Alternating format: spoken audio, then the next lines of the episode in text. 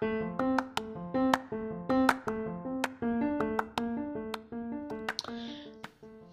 sore, uh, halo apa kabar? Udah beberapa hari uh, saya nggak ngepost banyak kesibukan, terus juga lagi nyari tema yang pas gitu yang nggak sekedar uh, yang penting uh, saya uh, ngepodcast gitu, enggak lah.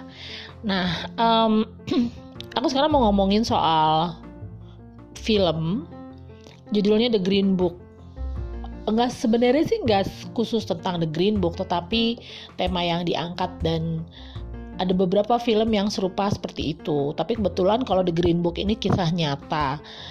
Uh, mungkin ada juga yang lain ya yang kisah nyata juga. Saya nonton kemarin kemarin baru premier film ini tahun tahun 2018 baru premier di HBO saya pikir tuh film tentang science fiction atau action atau apa gitu ya. Tetapi ternyata dia drama komedi gitu. Tentang uh, Don Shirley. Don Shirley itu dia adalah seorang musisi musisi jazz dan klasik yang sangat terkenal uh, di tahun 60-an, 50-an, 60-an. Nah, ini kisah tentang uh, perjalanan dia waktu tur ke daerah selatan uh, di Amerika bersama dengan sup, uh, supirnya Tony Lip. Nah, cerita menarik karena uh, tahu sendiri kan tahun 60 ya pokoknya sampai tahun-tahun 60-an itu hmm, di Amerika itu kan perbedaan warna kulit tuh kental banget. Politik segregation gitu ya.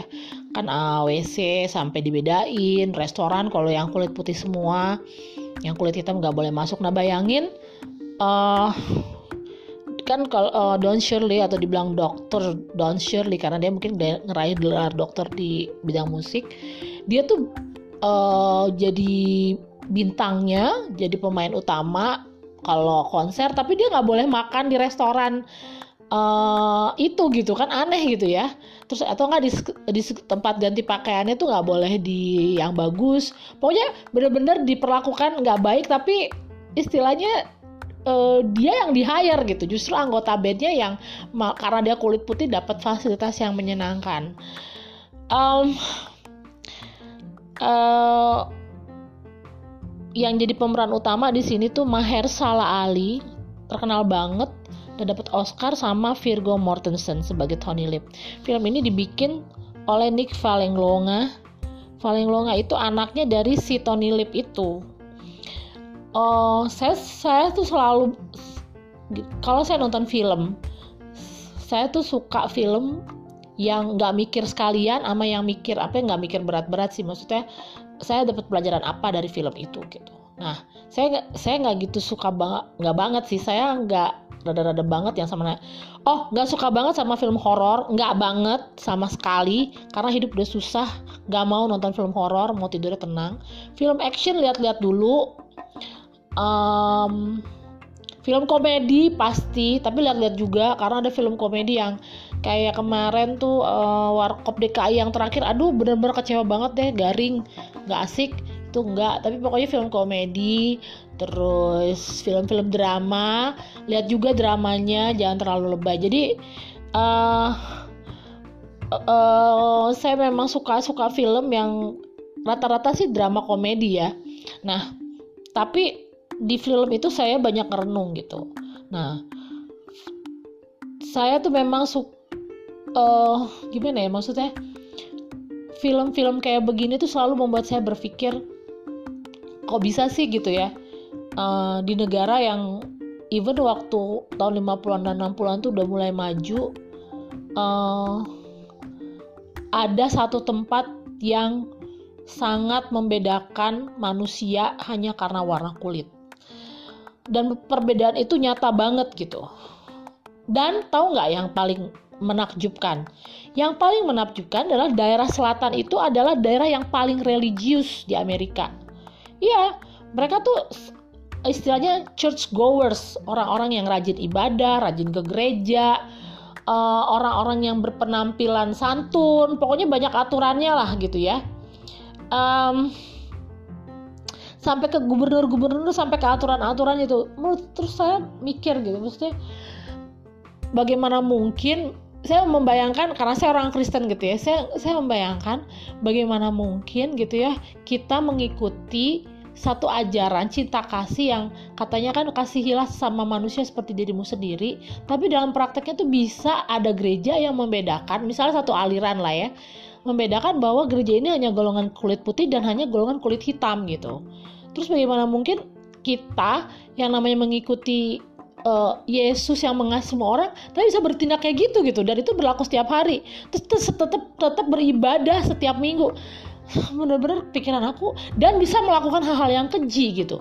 Dan itu saya selalu ngelihat di setiap film-film tentang perbudak uh, perbudakan sih enggak saya belum belum nonton tuh ya.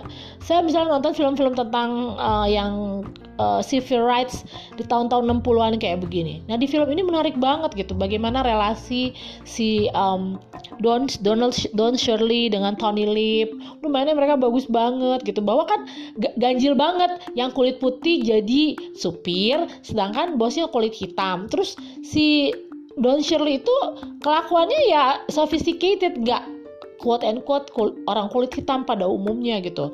Bagaimana dia bertingkah laku, berkata-kata. Sedangkan kalau si Don si Tony Lip karena dia di daerah Bronx, ya udah ngomongnya juga sembarangan, serampangan. Terus, um, aduh saya pokoknya ngelihatnya tuh yang antara sedih dan terharu gitu. Bagi, terus bagaimana ya kan selama ini mungkin di Florida di di di di New York dia diperlakukan ya karena memang dia memang kalangan kelas atas ya kenal banyak orang ya dia bebas-bebas aja dong.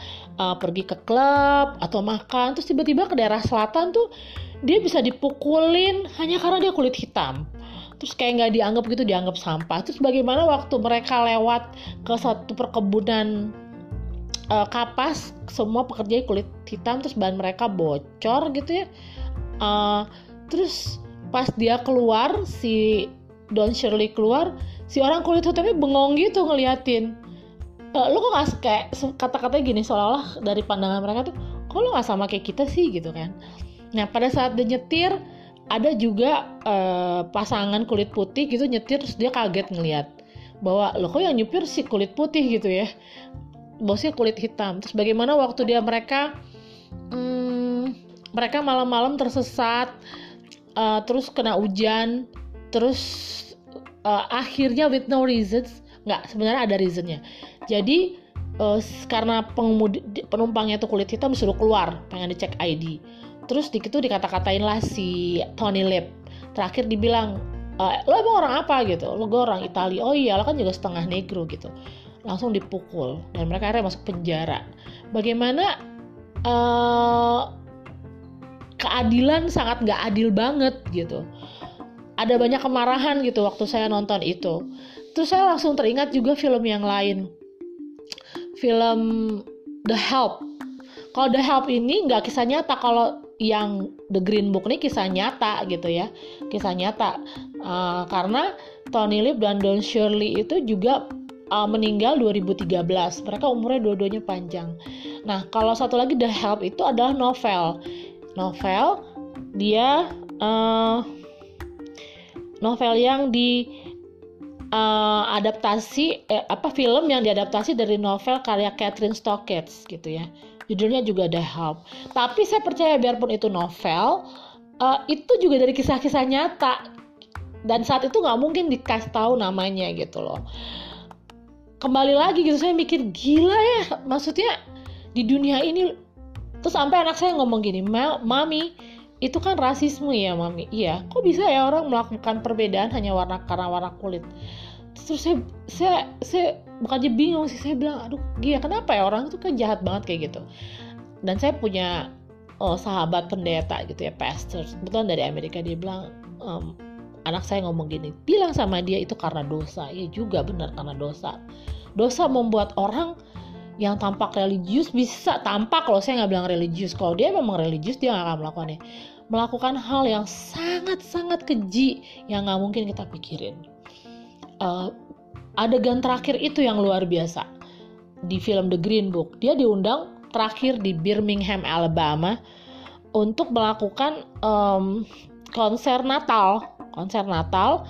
Nah mm, di, di satu restoran di satu restoran terus uh, si pemilik restorannya menyambut dia dengan baik, baik gitu ya. Uh, tapi dia dikasih ruang ganti pakaian di gudang karena politik itu. Terus pas mau makan nggak dikasih. Terakhir ada mereka pergilah. Pergilah gitu kan. Pergi aja gitu. Kan kan, kan bingung ya nggak sih? Bingung. Nah uh, saya tuh langsung bilang gila ini orang-orang sakit jiwa. Padahal kamu kan menjalin kerjasama sama si Don Shirley ini. Menjalin kontrak sama dia tapi kamu nggak memperlakukan dengan baik gitu. Aneh banget gitu. Terus um, selain The Help saya juga teringat satu novel yang sangat terkenal yang itulah menjadi pendobrak uh, perbudakan di Amerika dan akhirnya membuat Abraham Lincoln meninggal karena ditembak oleh orang yang dia tetap mendukung perbudakan Uncle Tom's Cabin saya beli tuh akhirnya oh, novelnya saya baca tapi saya hanya kuat dua bab karena saya udah kebayang banget bagaimana bab-bab selanjutnya dan saya nggak saya nyerah saya taruh aja buku itu gitu. Bagi saya uh, racism setiap orang mungkin punya ada rasisme sedikit-sedikit tergantung kadarnya karena kan kita memang tidak terbiasa tiba tiba-tiba ada yang berbeda takut gitu ya udah nyaman. Tapi rasanya ya kalau sampai seperti itu dan sampai sudah menjadi budaya itu luar biasa. Uh, dia juga nggak pernah minta uh, apa ya lahir kulitnya apa gitu. Dia nggak pernah minta lahir dari keluarga siapa gitu dan dan dan kalau memang kita tidak sama yang kita salahin berarti siapa dong? Yang pencipta kan? Karena kan kita bentuknya sama organ tubuhnya sama cuman kulitnya beda gitu. Berarti kita kita udah memperlakukan uh, hasil karya seseorang yang sangat agung gitu yang juga menciptakan alam semesta sekeliling kita. I cannot imagine that gitu. Terus deh gitu kalau saya tetap nggak bisa bayangin kita ke gereja tiap tiap minggu terus deh gitu kita memuji dia kita berdoa but at the same time abis itu keluar dari gereja kita memperlakukan orang lain dengan beda gitu. Terus um, apa ya um, kalau kalau tidak hanya soal perbedaan warna kulit misalnya memperlakukan orang juga karena perbedaan apa keyakinannya gitu. Um, keyakinan itu kan adalah perjalanan spiritual orang ya. Kita nggak bisa menghakimi sih. Terus karena misalnya apa yang dia yakin itu berbeda sama kita sehingga kita menutup kesempatan-kesempatan buat orang lain juga rasanya keji ya. Keji. Karena um, apa ya um, siapa kita bisa menghakimi bahwa dia salah gitu ya even kalau menurut apa yang kita yakini dia salah terus so what gitu. Itu kan baru ketahuan nanti at the end of the day gitu kan. We have we have the value we have the standard yes. Tapi kan semua juga perlu diuji. But yang ada adalah kalau memang kita ngerasa apa yang kita yakinin benar ya kita campaign dong kebenaran itu dengan baik. Misalnya kita misalnya kayak saya misalnya dibilang ya Allah tuh kasih selalu care Yesus juru selamat. Ya lu kita tunjukin lah bahwa kita sebagai pengikut memang kita mengcopy apa yang diajarin gitu. Tidak justru misalnya melakukan tindakan yang tidak baik gitu. Misalnya kita me, oh dia nggak boleh masuk ke klub kita atau dia nggak bisa karena dia perbedaan begini begini begini begini. Atau mempersulit orang. Nah hmm, justru kita sudah menjadi marketer yang buruk buat apa yang kita yakinin gitu atau um, istilahnya juga uh, oh kita juga sudah menstigma orang gitu kan misalnya yang ada dialog tuh si Tony dengan Don Shirley bahwa uh, kalau black tuh begini, kalau white tuh kayak gini gitu loh. Terus si Don Shirley itu akhirnya dengan putus asa dia marah, gue nggak diterima di mana-mana, saya nggak terima di mana-mana. Kalau orang kulit hitam bilang saya kurang black, ya kan karena kan dia sophisticated, dia kan istilahnya uh, dia cukup priai lah kelakuannya. Uh, terus saya dia nggak kenal musik-musik jazz atau apa. Tapi di saat dia mau ke golongan white dia yang nggak white. Karena kan emang kulitnya nggak white gitu. Dan dia selalu dianggap mungkin ya golongan yang kelas bawah gitu. Dan saya nggak mau bayangkan gitu. Ini orang-orang yang sering baca kitab suci berdoa pelayanan tapi kok bisa kayak begitu gitu kan? Menurut saya orang-orang yang yang saya benar-benar sampai sekarang kalau bayangkan gila bisa kayak begitu gitu. Jadi ya apa yang kita percaya ya harus kita tunjukkan gitu dengan kelakuan kita yang baik. Um, semoga apa ya yang saya sampaikan bisa jadi bahan perenungan kita gitu. Karena di dunia yang sekarang juga masih berlaku sih kayak begitu begitu kan. Uh, jangan deh dia bukan kaum kita. Jangan deh dia bukan golongan kita. Itu saya saya memilih teman memang berdasarkan karakter sih. Bukan berdasarkan misalnya dia sama karena karena belum tentu cocok gitu. Kalau misalnya pun dia satu satu suku sama saya satu kepercayaan sama saya saya ngelihat value-value dia nggak benar sih saya juga nggak mau deket-deket ngapain gitu kan. But if dia punya perbedaan sama saya but value-nya sama ya ya kita bisa get along sama-sama gitu ya. Prinsip-prinsip dasar misalnya prinsip kejujuran prinsip uh, um, bahwa kita harus menyatakan yang benar eh, prinsip-prinsip uh, untuk berbagi sama orang melayani orang gitu. Kalau dia punya way why not? We can we can be friends about that. Ya seperti yang saya bilang dari postingan-postingan kemarin burung terbang dengan sesamanya gitu. Burung terbang dengan sesamanya. Jadi nggak kebayang banget deh. Um, dan dan Martin Luther King Jr. ternyata dari Birmingham berarti kan itu tempat yang yang yang yang paling paling rasis gitu di di, di situ gitu. Aduh gila ya. Ngeri banget. Semoga um, gitu nggak terjadi di Indonesia.